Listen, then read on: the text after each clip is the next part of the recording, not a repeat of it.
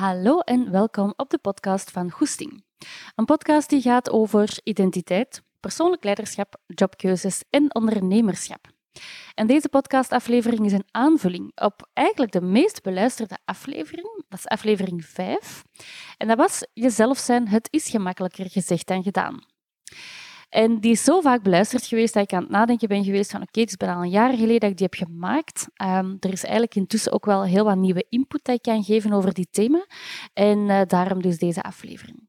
Nu, leven vanuit uzelf. Um, ik spreek er heel vaak over. En dat komt waarschijnlijk ook omdat dat wel mijn stokpaardje is. Omdat leven vanuit uzelf is gewoon echt niet evident. En in de aflevering 5, dus jezelf zijn, het is gemakkelijker gezegd dan gedaan, kun je ook ontdekken hoe dat, dat komt, hoe dat, dat komt, dat dat zo moeilijk is. Maar ik spreek er ook wel vaak over, omdat het voor mezelf ook wel de grootste transformatie was en misschien ook wel nog altijd is. Um, omdat ik sta er echt nog elke dag van versteld. Um, één, hoe belangrijk dat dat proces is om mezelf beter te leren kennen, maar ook hoe dat dat echt een mega never-ending process is. En je kunt echt blijven leren over jezelf. En het is zo belangrijk om dat te doorlopen, niet alleen voor je eigen, maar ook voor je relaties met anderen. En ook gewoon hoe dat je in het leven staat, hoe dat je keuzes maakt, hoe dat je voelt. Het heeft gewoon impact op alles wat je doet en wie dat je bent. En daarom is dat voor mij gewoon zo een belangrijk onderwerp en thema. Goed? Maar ja, hoe doe je dat eigenlijk? Hè? Leven volgens je innerlijke zelf. Um, ik ga vier grote uh, hoofdstukken zeg maar, bespreken. En van die vier is voor mezelf misschien de laatste wel de meest waardevolle uh, in het ontdekken van mezelf. Dus blijf zeker luisteren. Ja? Heel tricky van mij om dan de laatste, de meest interessante te maken. Zodat je blijft luisteren. Voilà. Dat is een tactiek natuurlijk. Maar, um, maar de eerste drie zijn ook mega um, eigenlijk belangrijk om je eerste kader te kunnen scheppen om uh, bij die laatste aan toe te komen. Goed?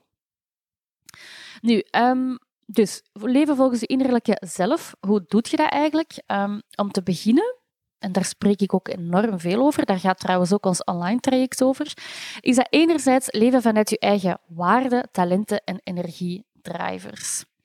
Wat wil dat zeggen? Dat je eigenlijk leeft vanuit wat je belangrijk vindt, vanuit waar je goed in bent, maar ook dat je dingen doet die dat je energie geven. Dat je je job gaat inrichten vanuit um, wat vind ik leuk, wat kan ik goed, um, kan ik in die organisatie mijn waarden nastreven, maar ook in je privé. Als je niet zo goed weet hoe dat je iets moet aanpakken, dat je eens gaat kijken van oké, wat vind ik belangrijk en hoe helpen mijn waarden mij nu om met die situatie om te gaan.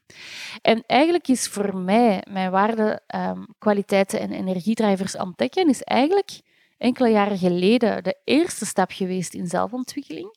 En doordat ik eigenlijk ook wist wat dat mijn waarden, uh, talenten en energiegevers waren, kon ik zowel op mijn werk als in mijn privé ook keuzes gaan maken daar, van daaruit. Hè.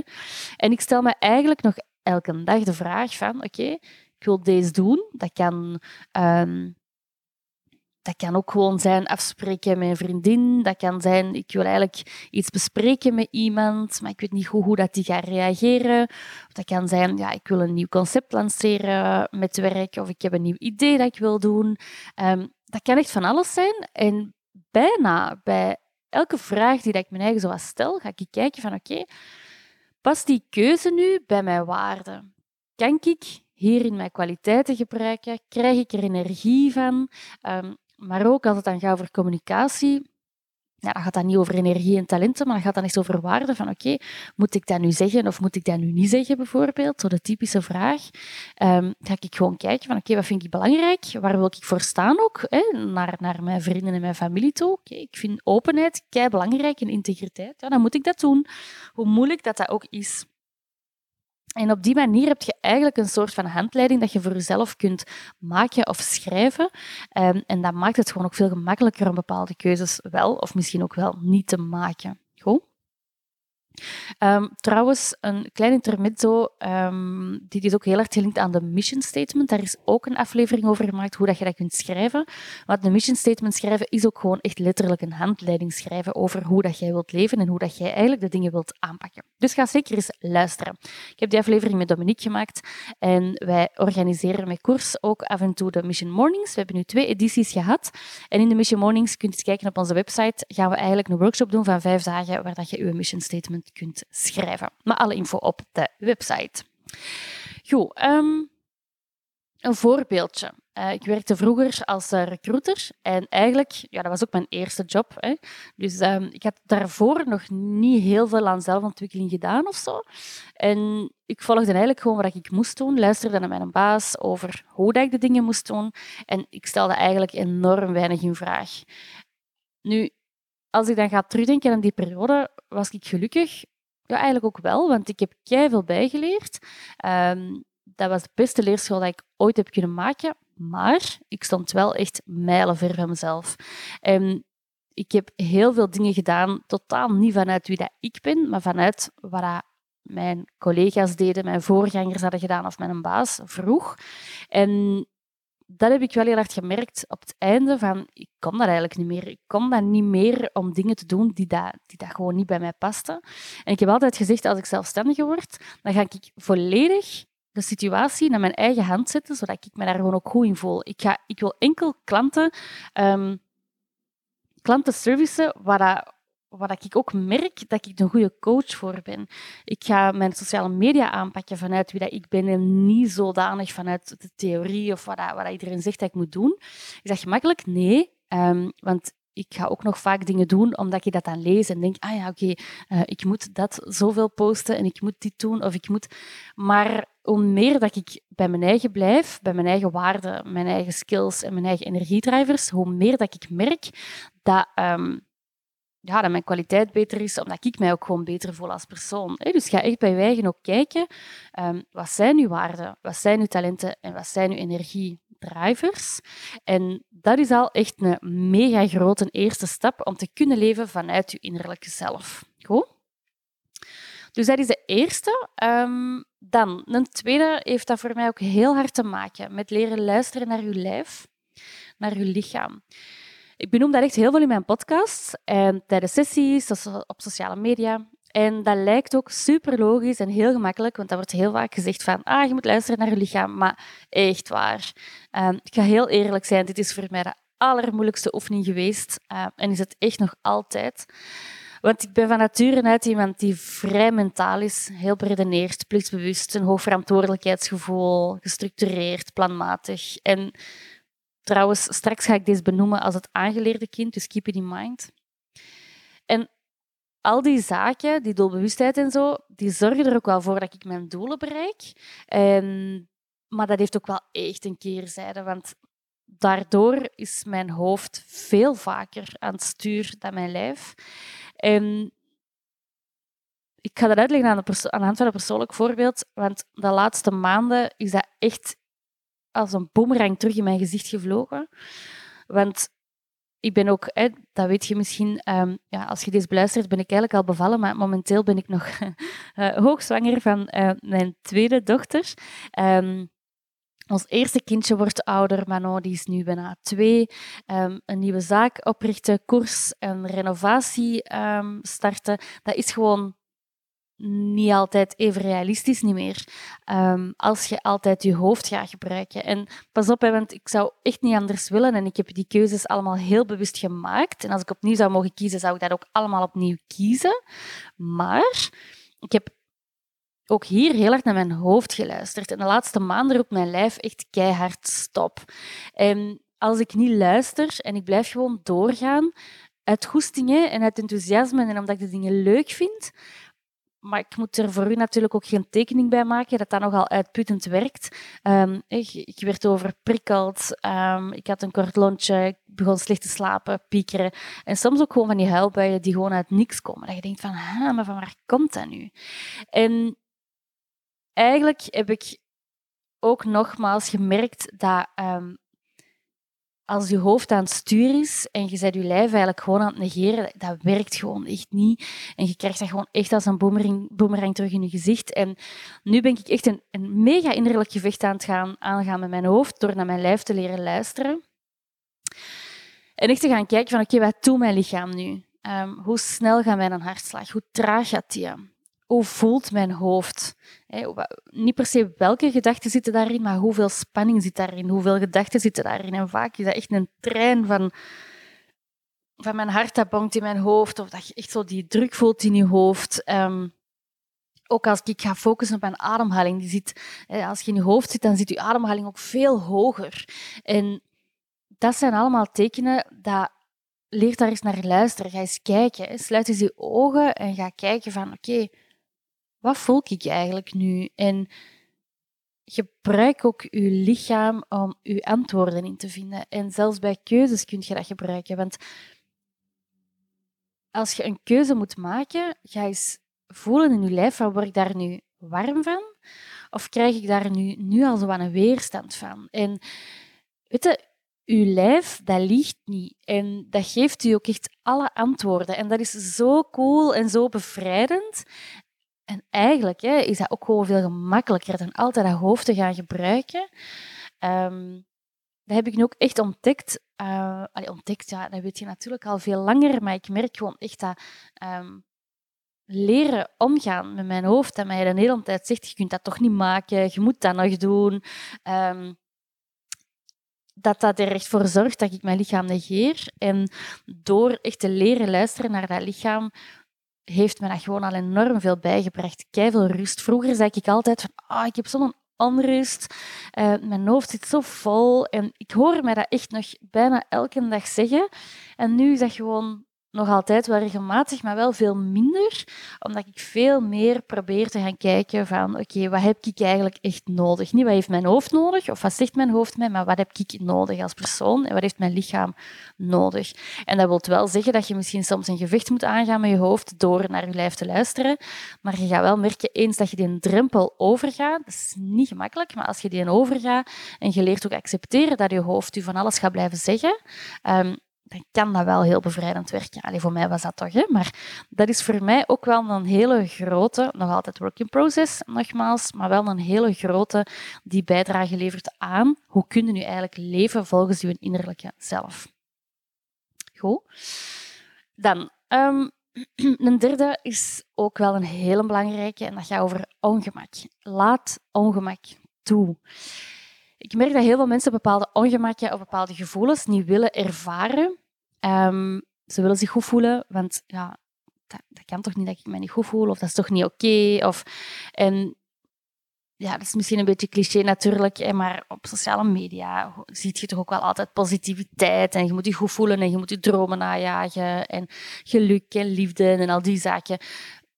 Maar dat is ook niet altijd leven. Hè? En we moeten daar ook een stukje realistisch in zijn. Um, je voelt je gewoon niet altijd goed. En je voelt je soms gewoon bang of boos of gefrustreerd of verdrietig of geschaamd je misschien over iets. Of... En het is pas door dat ongemak toe te laten dat je ook volgens je innerlijke zelf kunt leven. Um, het ongemak om te falen, het ongemak om conflicten aan te gaan, het ongemak om misschien jezelf tegen te komen, het ongemak om ergens kei over te zijn. En is dat gemakkelijk? Nee, absoluut niet. Ehm, ik, vind dat, ik vind dat ook super moeilijk om bepaalde emoties of gevoelens um, om daarmee om te gaan, om die ook te laten zijn en mij niet af te leiden met andere dingen als ik dat voel. Maar dat gaat ook over, ehm, bij mij is het dan bijvoorbeeld, dat weet je misschien al, conflictmijdendheid. Ik ben een vrij conflictmijdende persoon, maar dat helpt mij gewoon helemaal niet. En ik vind het meest ongemakkelijke voor mij is echt dat ik ergens een bepaald gesprek met iemand moet aangaan, dat bijvoorbeeld negatieve feedback of iets anders of een conflict kan veroorzaken. En vroeger, omdat ik dat zo ongemakkelijk vond, deed ik dat gewoon niet. Maar ja, dat, dat werkt ook gewoon helemaal niet zo. En nu denk ik van, oké, ik vind dat helemaal niet leuk. Ehm, maar ik vind dat wel belangrijk om te doen. En ik ga dat ongemak ook gewoon toelaten. En ik ga mijn eigen ook toelaten om in dat gesprek ja, om, om te struggelen als ik moet struggelen. Of als ik dingen zeg die dat ik misschien op een andere manier daarna had willen zeggen. Ja, dan is dat zo. Maar laat dat wel toe. En dat is een beetje hetzelfde. Je kunt van jezelf ook niet verwachten dat je een nieuwe taal kunt spreken zonder dat je ervoor moet oefenen. Hè. Ehm, heel vaak wil het misschien al wel kunnen en zet je gefrustreerd en je voelt je je gefaald als je dat nog niet kunt. Maar hoe kun je nu iets kunnen als je dat nog niet geleerd hebt? Hoe kun je nu iets kunnen als je daar niet op oefent? En dat is ook gewoon kei moeilijk om iets nieuws te leren, want sommige dingen kosten ook gewoon veel tijd. En eigenlijk is aan jezelf werken of leven volgens je innerlijke ik, is ook eigenlijk iets als leren fietsen of een nieuwe taal leren. Je moet oefenen, je moet oefenen in keuzes maken, je moet op je bek durven gaan, je moet ook van jezelf op je bek mogen gaan en ongemakken toelaten. Um, ongemak van droefheid, bosheid, uh, ongemak van iets niet te kunnen. En nogmaals, dat is niet leuk, maar dat zorgt er wel voor dat je daarna gewoon veel sterker staat, omdat je door dat ongemak gaat. Goed? Dus dat was de derde. Ik had jullie er juist gezegd dat um, de laatste mijn grootste eye-opener was. En daar komen we nu al toe. Um, je zult er misschien al over gehoord hebben, misschien ook niet. Um, maar dat gaat voor mij echt over weet dat er niet zoiets is als één ik. Er is niet zoiets als, ah ja, oké, nu ken ik mezelf en dat is het, hiermee ga ik werken. Helemaal niet. Je hebt eigenlijk verschillende ikjes, zeg maar. laten we zeggen dat als je als kind geboren wordt, word je eigenlijk geboren als een onbeschreven blad.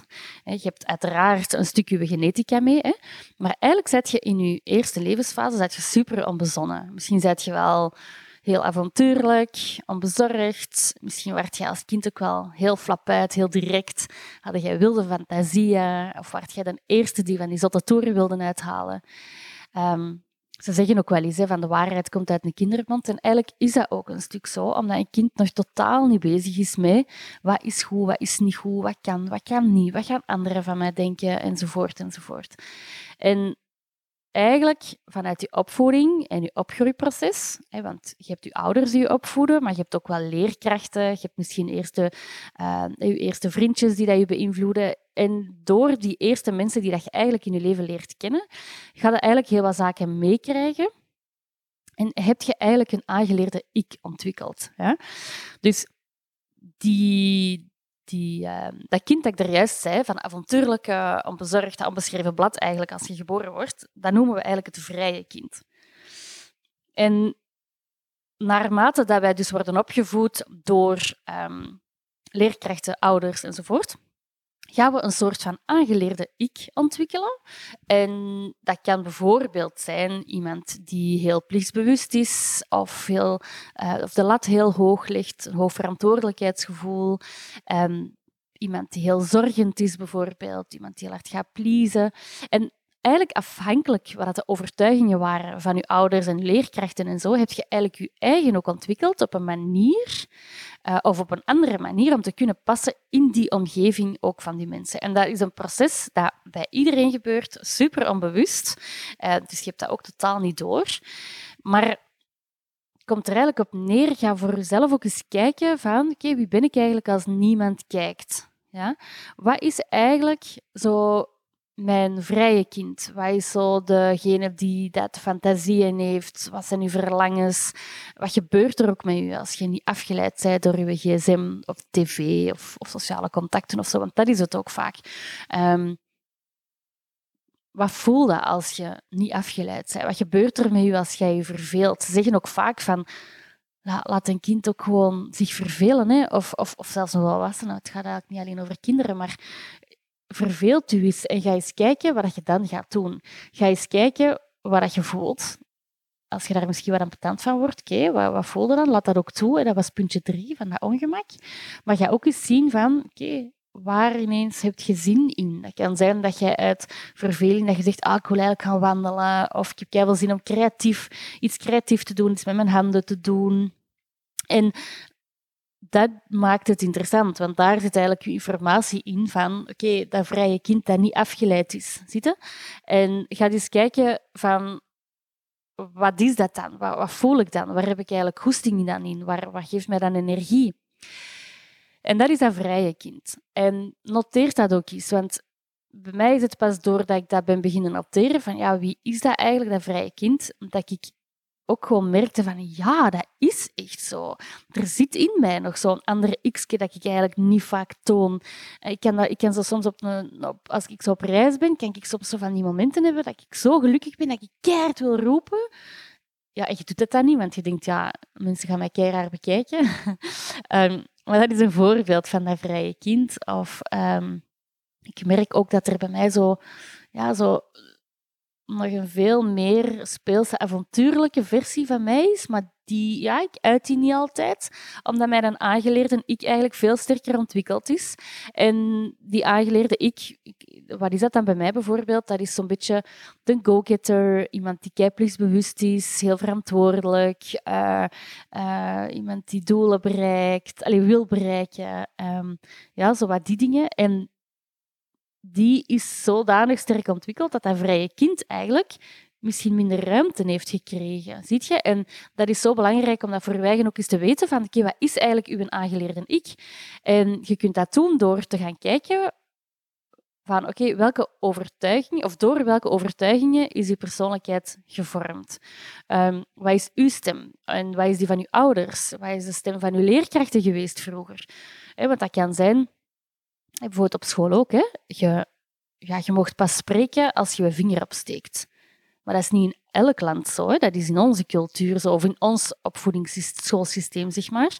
Maar dat is eigenlijk iets dat jij dan hebt overgenomen. Maar ja, hoe sta jij daar eigenlijk tegenover? Vind jij dat ook belangrijk om bij wijze van spreken je, je vinger op te steken in de vergadering voordat je mocht spreken? Of misschien heb je als kind altijd gehoord dat geld verdienen kei belangrijk is. Ja, en dan is de kans ook wel groot dat dat u nu gaat belemmeren als jij een goed betaalde job hebt en je wilt die eigenlijk verlaten voor een, voor een andere job die je misschien wel gelukkiger gaat maken, maar waar je misschien minder goed gaat verdienen. Ja, als je altijd hebt gehoord van geld, eh, geld verdienen is superbelangrijk, of je moet heel hard werken om geld te kunnen verdienen, of, ja, dan gaat het ook gewoon kei moeilijk worden om van job te veranderen omdat je denkt, ja, geld verdienen is belangrijker. Zie je? Um, dat kan ook zijn dat je bijvoorbeeld als kind hebt moeten zorgen voor je jongere zus of voor je mama die misschien um, het er eens moeilijk over had of iemand die ziek was in de familie en dat je eigenlijk die rol hebt overgenomen en je hebt je eigenlijk op die manier zo in een zorgende rol of een, een rol van het goede voorbeeld geven uh, gezet, onbewust ook weer, dan is de kans ook wel groot dat je nu een heel zorgende en plichtsbewuste ik hebt ontwikkeld. Maar hoe voelt dat voor u? Hoe is dat voor u eigenlijk om in die rol te zitten? Is dat iets dat van u is of is dat iets dat jij hebt ontwikkeld om te kunnen passen in een bepaalde omgeving? En dat is zo belangrijk, want als je weet dat je iets kunt opbouwen dat van nu is, en als je weet dat je je eigen handleiding kunt schrijven, je eigen regels, zonder dat dat per se te maken heeft met goed of fout, dan is dat een mogelijke ingang om te kunnen leven vanuit je innerlijke zelf. Um, maar ga echt voor je eigen kijken van ja, wie ben ik eigenlijk als echt niemand kijkt? Wat komt er dan in mij op?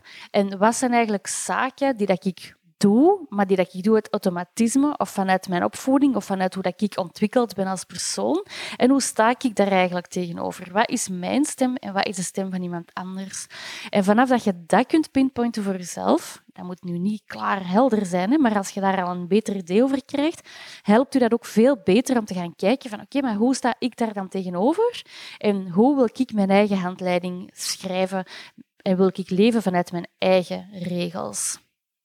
Goed, zalig hè? ik vind die laatste zo, zo interessant. Um, zeker omdat je daar gewoon, je gaat op een heel andere manier leren kijken naar jezelf. En gaat, um, dat gaat je echt helpen om op een heel andere manier ook uh, in het leven te gaan staan. Dat was bij mij toch zo. Um, dus voilà, de, de podcast ging over hoe kun je leven vanuit je innerlijke zelf. We hebben vier dingen bekeken. Enerzijds, bepaal eerst je eigen waarden, uw kwaliteiten, uw energiedrijvers en probeert van daaruit dan keuzes te maken. De tweede was, leer ook luisteren naar uw lichaam. De derde was, laat ongemak toe. En de vierde was, weet dat er niet zoiets is als één ik. Als je die dingen weet en als je daaraan probeert te werken voor jezelf en dat iets helderder probeert te maken, kun je dat ook echt gaan implementeren in alles wat je doet. En je gaat echt merken dat je maken dat je veel meer helderheid hebt over jezelf, dat je veel sterker in je schoenen gaat staan en dat het ook zelfs gemakkelijker wordt om bepaalde keuzes wel of niet te maken. Goed? Stel dat je daarmee aan de slag wilt, um, laat u daar, je kunt dat uiteraard zelf doen. Hebt heel veel boeken ook um, die daarbij kunnen helpen. Deze podcast kan u daar ook over helpen. Maar als je merkt dat je daar nog wat dieper op wilt ingaan, dan kunt u u door ons laten coachen. Wij doen dat heel graag. um, en dat is één op één coaching dat wij doen. Uh, wij zitten in Antwerpen. En um, je kunt ook ons online traject volgen. En het online traject is eigenlijk een traject dat wij gemaakt hebben als je je talenten, je waarden, je valkuilen, energiegevers en zo wilt ontdekken. En ook als je, wilt, of als je enkele tools wilt krijgen om eigenlijk het stuur over te nemen in je eigen leven. Um, dus als je daar interesse in hebt of in een één-op-één traject, dan helpen wij graag verder. Met alle plezier. Stuur dan een berichtje uh, om even te informeren naar welke keuze het beste voor u is. Of je kunt ook altijd kijken op uh, www.goesting.coach. En trouwens, op onze website hebben wij ook enkele gratis e-books die dat je ook kunt downloaden. Ça? Merci om te luisteren alvast. Ik vond het een, leuke aanvullende uh, aflevering om te maken. En als je hem interessant vond, ga dan zeker um, deze aflevering delen op Instagram Stories. En bekijk ook of beluister zeg maar, ook die aflevering is um, over jezelf zijn. Het is gemakkelijker gezegd dan gedaan, want die gaat hier eigenlijk ook een heel groot stuk over. Ça? Merci, tot binnenkort.